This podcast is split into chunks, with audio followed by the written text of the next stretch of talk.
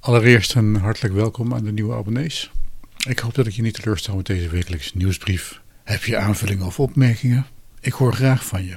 Stuur me een mail met je harteroerselen.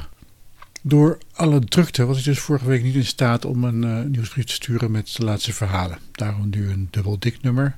Al valt de dikte wel weer mee, want we leven in een soort stilte voor de storm. De festivals komen eraan, dan wordt het traditioneel te veel drukker op de site. Thea putte uit haar uh, uitgebreide dossierkennis voor twee achtergrondverhalen over nieuwe muziek. Een daarvan ging over de violiste Sofia Gubaildulina. Die kende ik nog niet. Maar zelfs mijn automatische spellingcontrole weet de correcte spelling van haar naam. Dat ze volgens het artikel dus een ware publiekslieveling is in dit land, kon wel eens kloppen.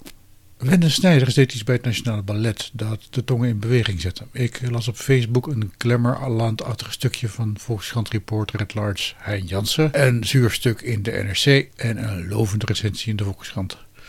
Ruben Brugman was bij ons al even enthousiast. Fijn dat er zulke crossovers gebeuren. Zelf was ik deze week ook druk bezig met de avond van het kuddegedrag in Tivoli-Vredenburg. Interessant toch om zo nu dan ook even buiten de eigen kunstbeugel te kijken.